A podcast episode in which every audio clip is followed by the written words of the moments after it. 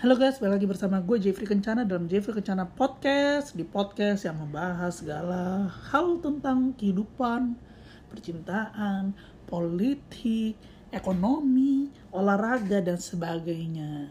Selamat mendengarkan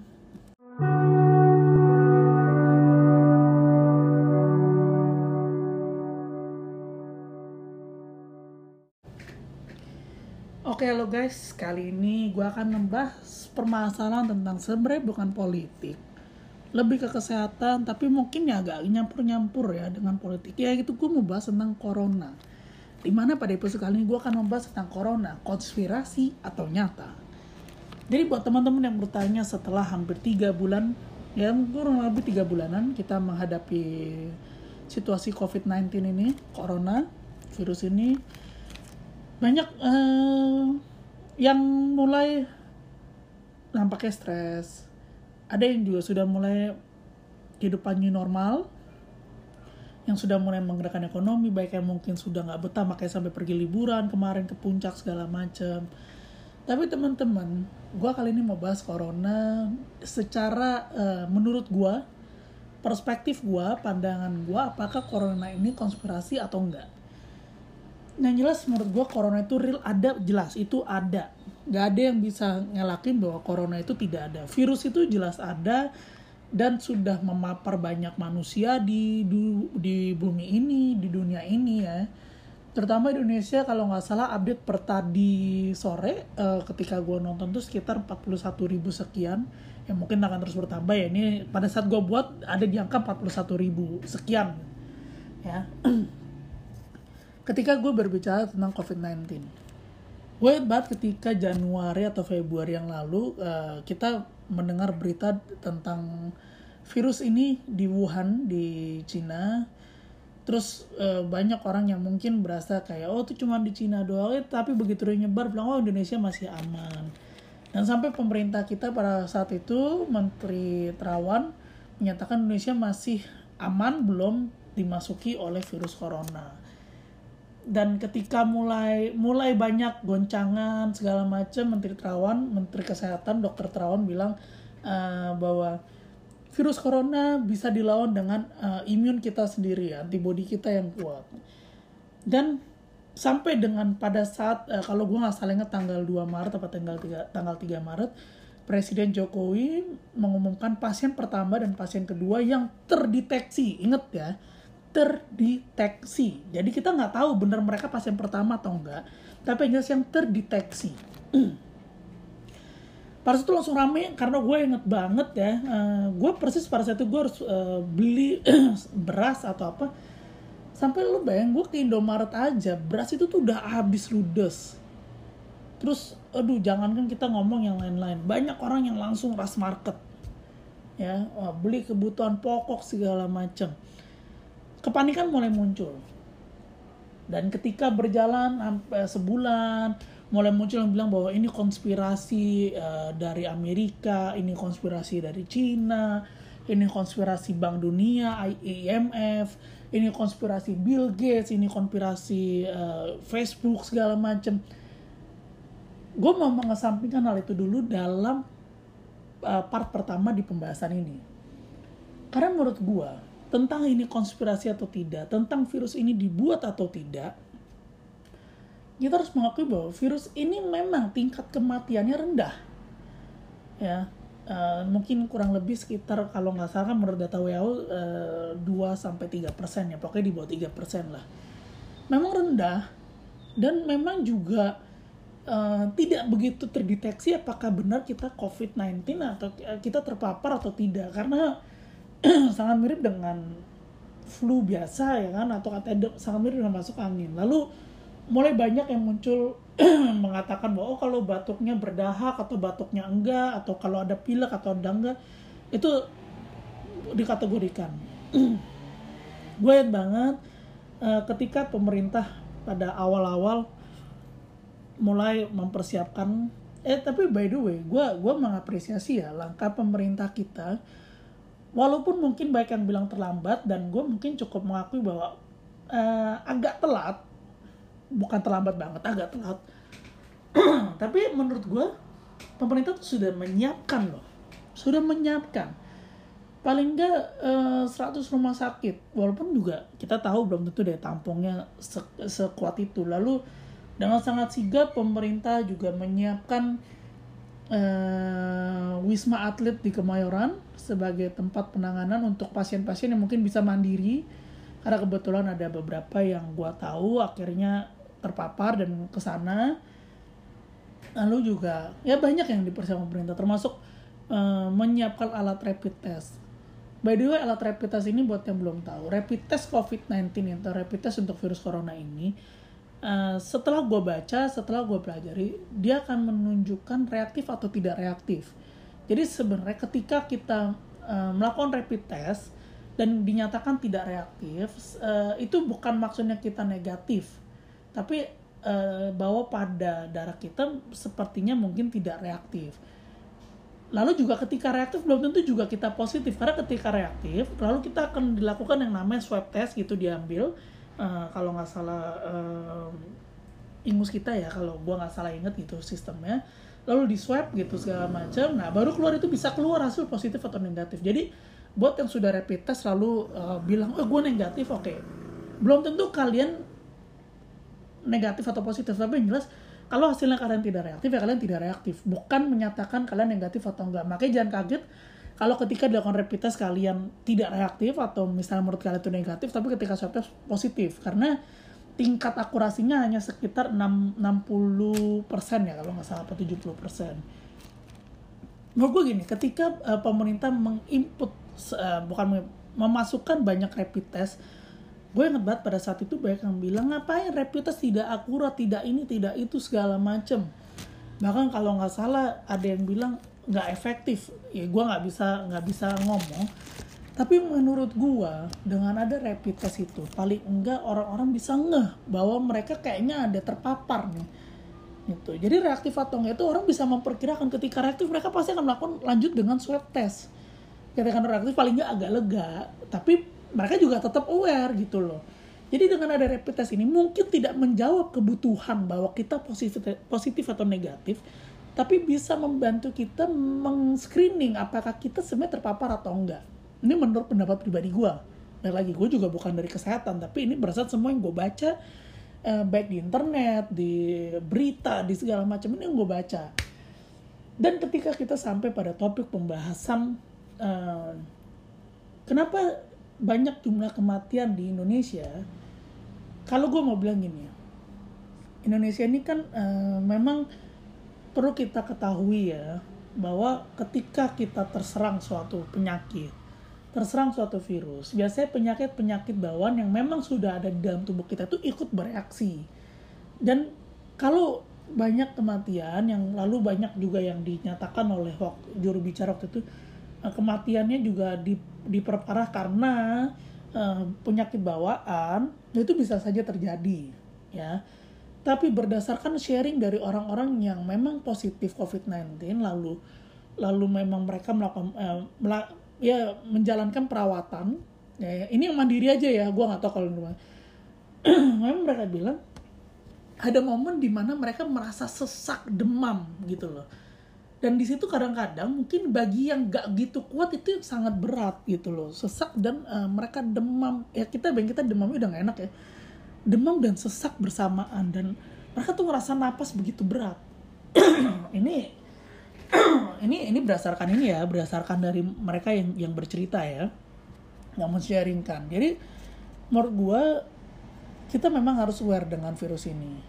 Tapi kalau ditanya ke secara gue pribadi gue setujukah dengan psbb atau lockdown kemarin ini gue setuju kalau lockdown hanya dilakukan mungkin dua minggu sampai satu bulan bukan dilakukan seperti kemarin dua bulan lebih Makanya kalau buat yang nanya, lu berpikir seperti itu Jeff? Kenapa lu berpikir bahwa lockdown cukup hanya dua minggu atau satu bulan? Gini gengs ya, buat semua yang denger ini, kalian lihatlah realita kenyataan di sekitar kalian. Gue nggak tahu apakah yang terjadi di kompleks perumahan gue dan di daerah-daerah sekitar perumahan gue itu sama dengan di daerah kalian. Tapi kalian bisa bayangin gak sih? Kalau kalian di lockdown selama dua bulan, ya. Oke lah dua minggu pertama baik yang nurut. Gue lihat banyak yang nurut ketika di lockdown dua minggu pertama.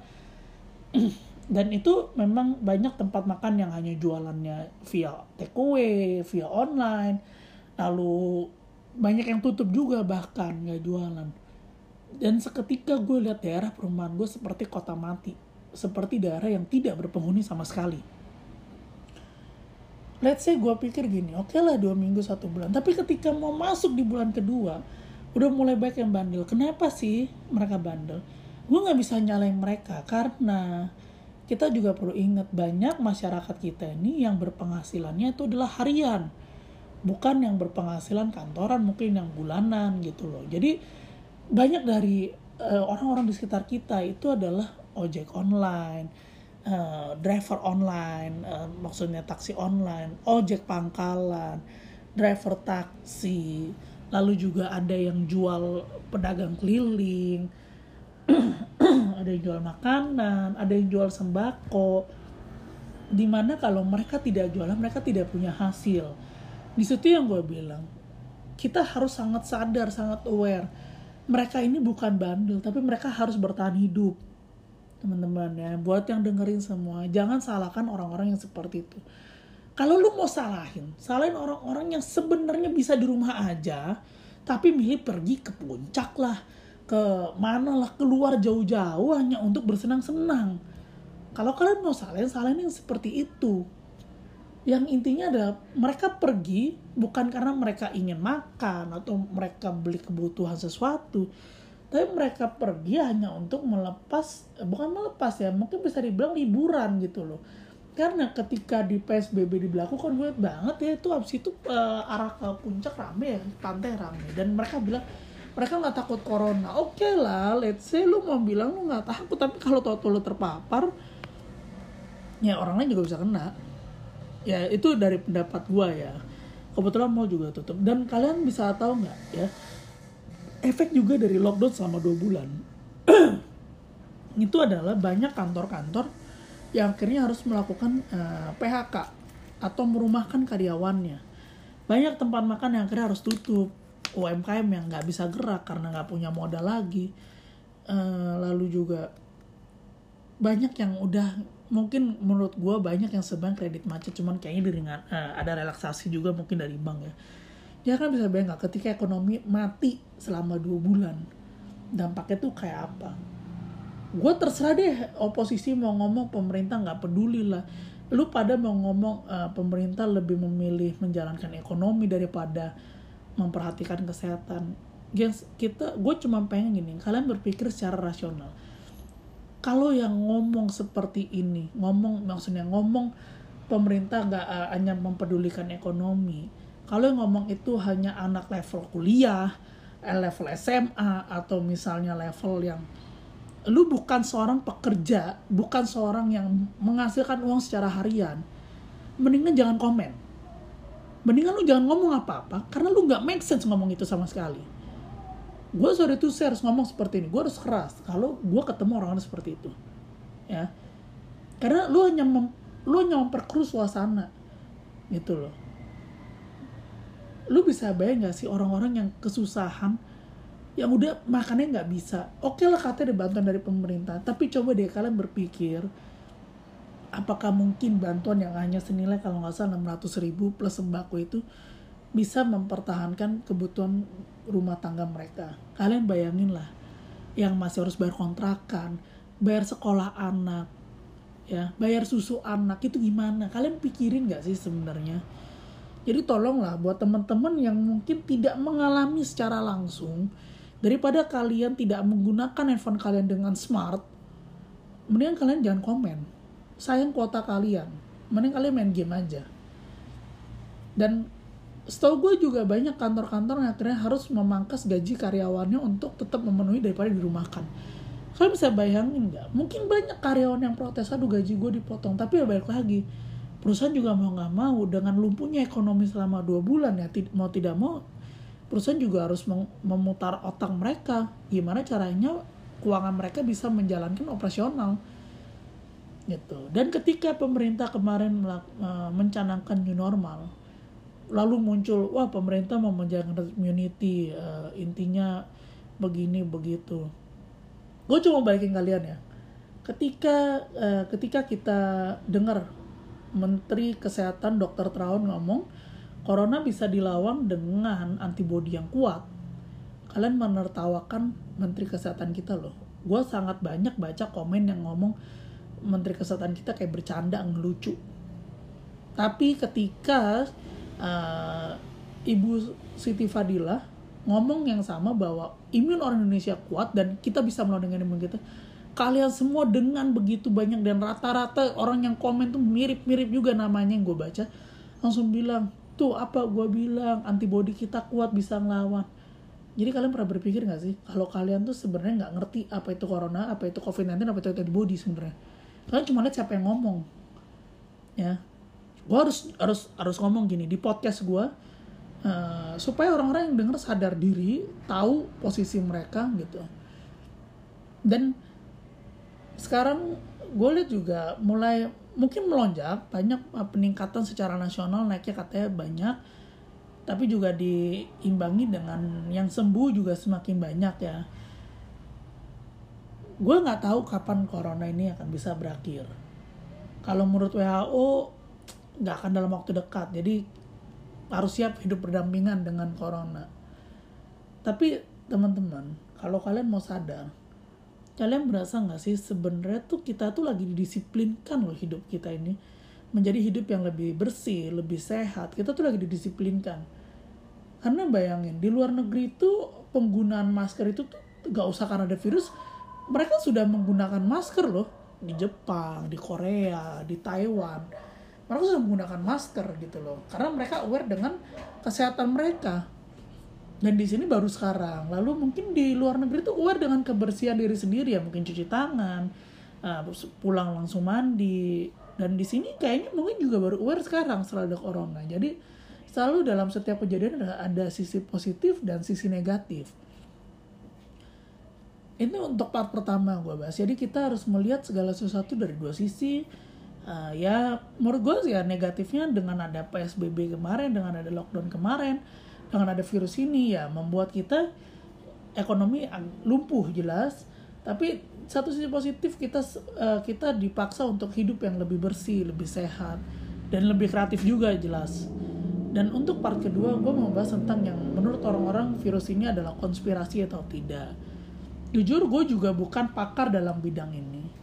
Tapi gue hanya mau mengajak kita berpikir logika. Berpikir logis berpikir bener-bener uh, gue nggak ngomong bahwa ini juga bukan konspirasi tapi kalau dibilang bahwa ini adalah rencana Bill Gates supaya dia mau uh, dia mau menjual vaksin kalau memang virus ini dibuat dari lama dari lama dan mereka memang ingin menyiapkan vaksinnya ya kenapa mereka mesti nunggu waktu baru bikin sekarang vaksinnya kenapa nggak dijual langsung di bulan April kemarin ketika banyak negara-negara melonjak kasusnya? Bahkan sampai sekarang vaksin itu belum ada. Kenapa gue bilang kenapa nggak muncul dari kemarin? Secara nilai ekonomi ketika dia punya vaksin itu pada saat naik-naiknya pasti negara-negara tidak punya pilihannya saya membeli vaksin itu. Itu akan keuntungan. Dan ketika sekarang dia juga belum punya vaksin kita punya contoh ya di Indonesia mulai mulai mengkrit obat-obat e, mencampur obat-obat yang mungkin bisa. Dan katanya kan ada yang udah bisa walaupun tuh katanya untuk pengobatan yang sudah sakit bukan pencegahan. Jadi kan bisa bayangin nggak? Sebenarnya kalau kali kalau memang ini konspirasi bener mau itu dari vaksin ya menurut gue lucu juga kalau mereka mereka siapin virusnya nggak siapin vaksin dari jauh-jauh hari dan sekarang baru bikin. Menurut gue balik lagi nih menurut gue lalu kalau mau dibilang ini uh, konspirasinya IMF supaya ekonomi dunia lumpuh lalu uh, negara-negara akan berhutang pada IMF lalu dengan bunga tinggi karena tidak punya pilihan. Gue nggak tahu apakah memang ini terjadi atau enggak. Tapi at least kalau menurut gue IMF mau melakukan ini, IMF yang juga berpusat di Amerika, bisa lihat nggak dampak di Amerika itu seperti apa? Menurut gue ya. Jadi apakah benar IMF bisa terus berta uh, mau mau melakukan itu gue juga nggak yakin gue nggak yakin 100% gitu loh karena akan ada banyak cara IMF untuk daripada virus inilah sebenarnya kan banyak cara lah menurut gue untuk dia bisa menarik orang-orang dengan uh, orang-orang negara-negara berhutang pada IMF pada Bank Dunia. Ya, jadi pokoknya kalau kita berbicara tentang konspirasi teman-teman, gue cuma mau ngajak kita berpikir logis, kita berpikir logika.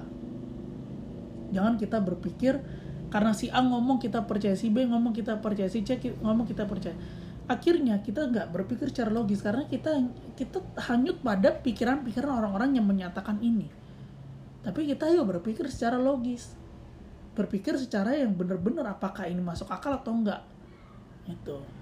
Ini balik lagi ini pendapat gue gue juga nggak bisa menilai ini konspirasi atau enggak tapi menurut gue kalau memang konspirasi-konspirasi itu ada ya agak susah gue terima secara logika berpikir gitu dan mungkin ya kembali lagi tentang konspirasi. Misalnya Ibu Fiti, Ibu Siti Fadila bilang pada zaman flu burung, eh ya flu burung kalau nggak salah ya, uh, pandemi flu burung Indonesia tidak membutuhkan vaksin karena imun Indonesia kuat. Ya mungkin juga kalau memang ternyata virus itu bisa dikeluarkan dengan imun kita, vaksin nggak ada gunanya. Ya ini ini kembali lagi nih menurut pendapat pribadi gue. Jadi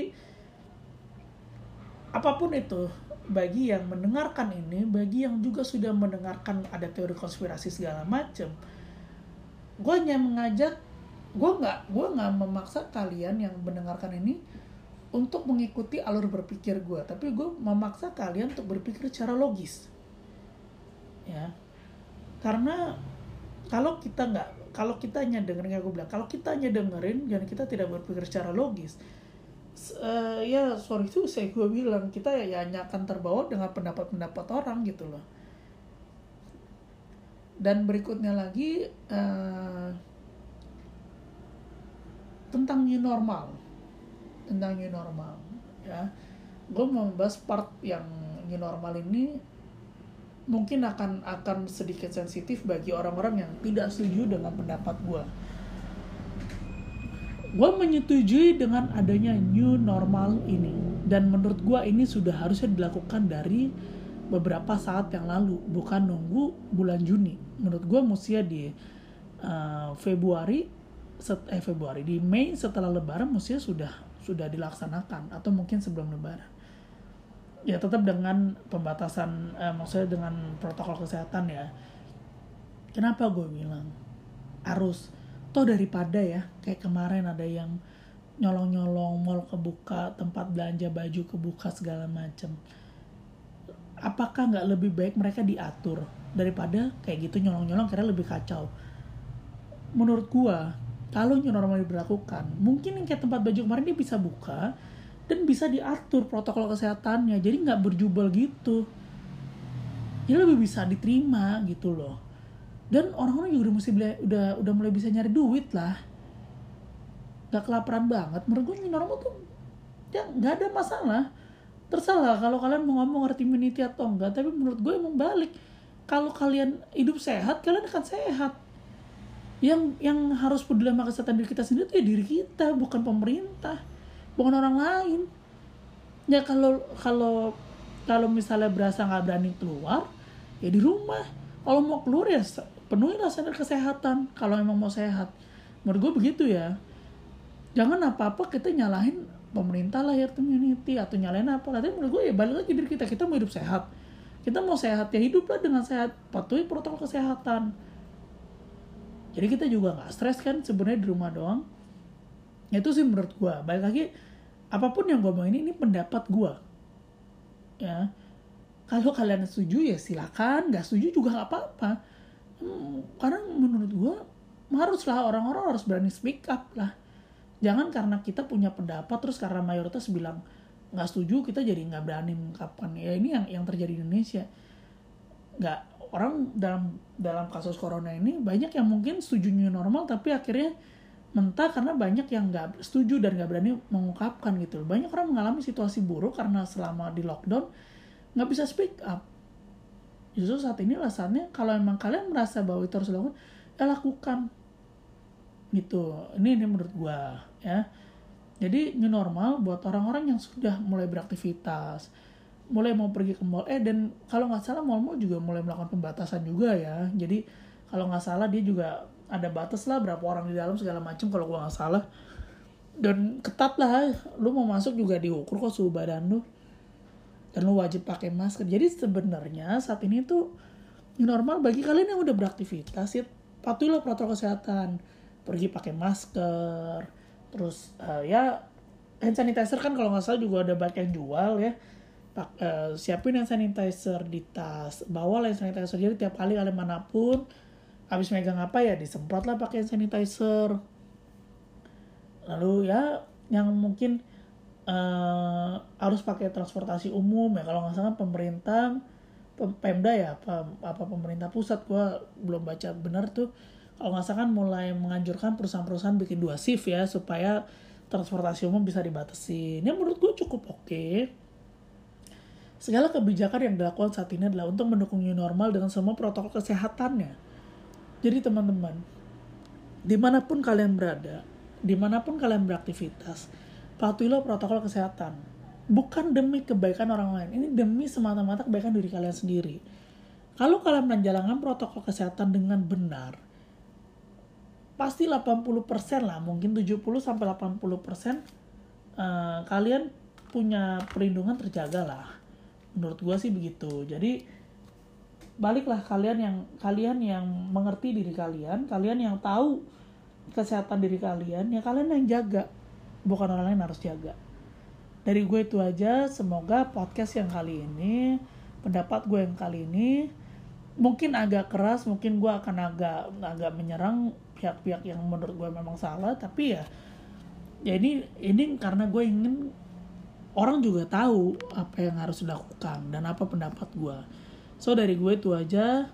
Semoga kalian tetap sehat. Semoga kalian menjalankan aktivitas bisa menjalankan aktivitas kembali dengan baik sejak kala yang mulai uh, bisa mencari penghasilan lagi. Semoga penghasilan kalian semakin diberkahi.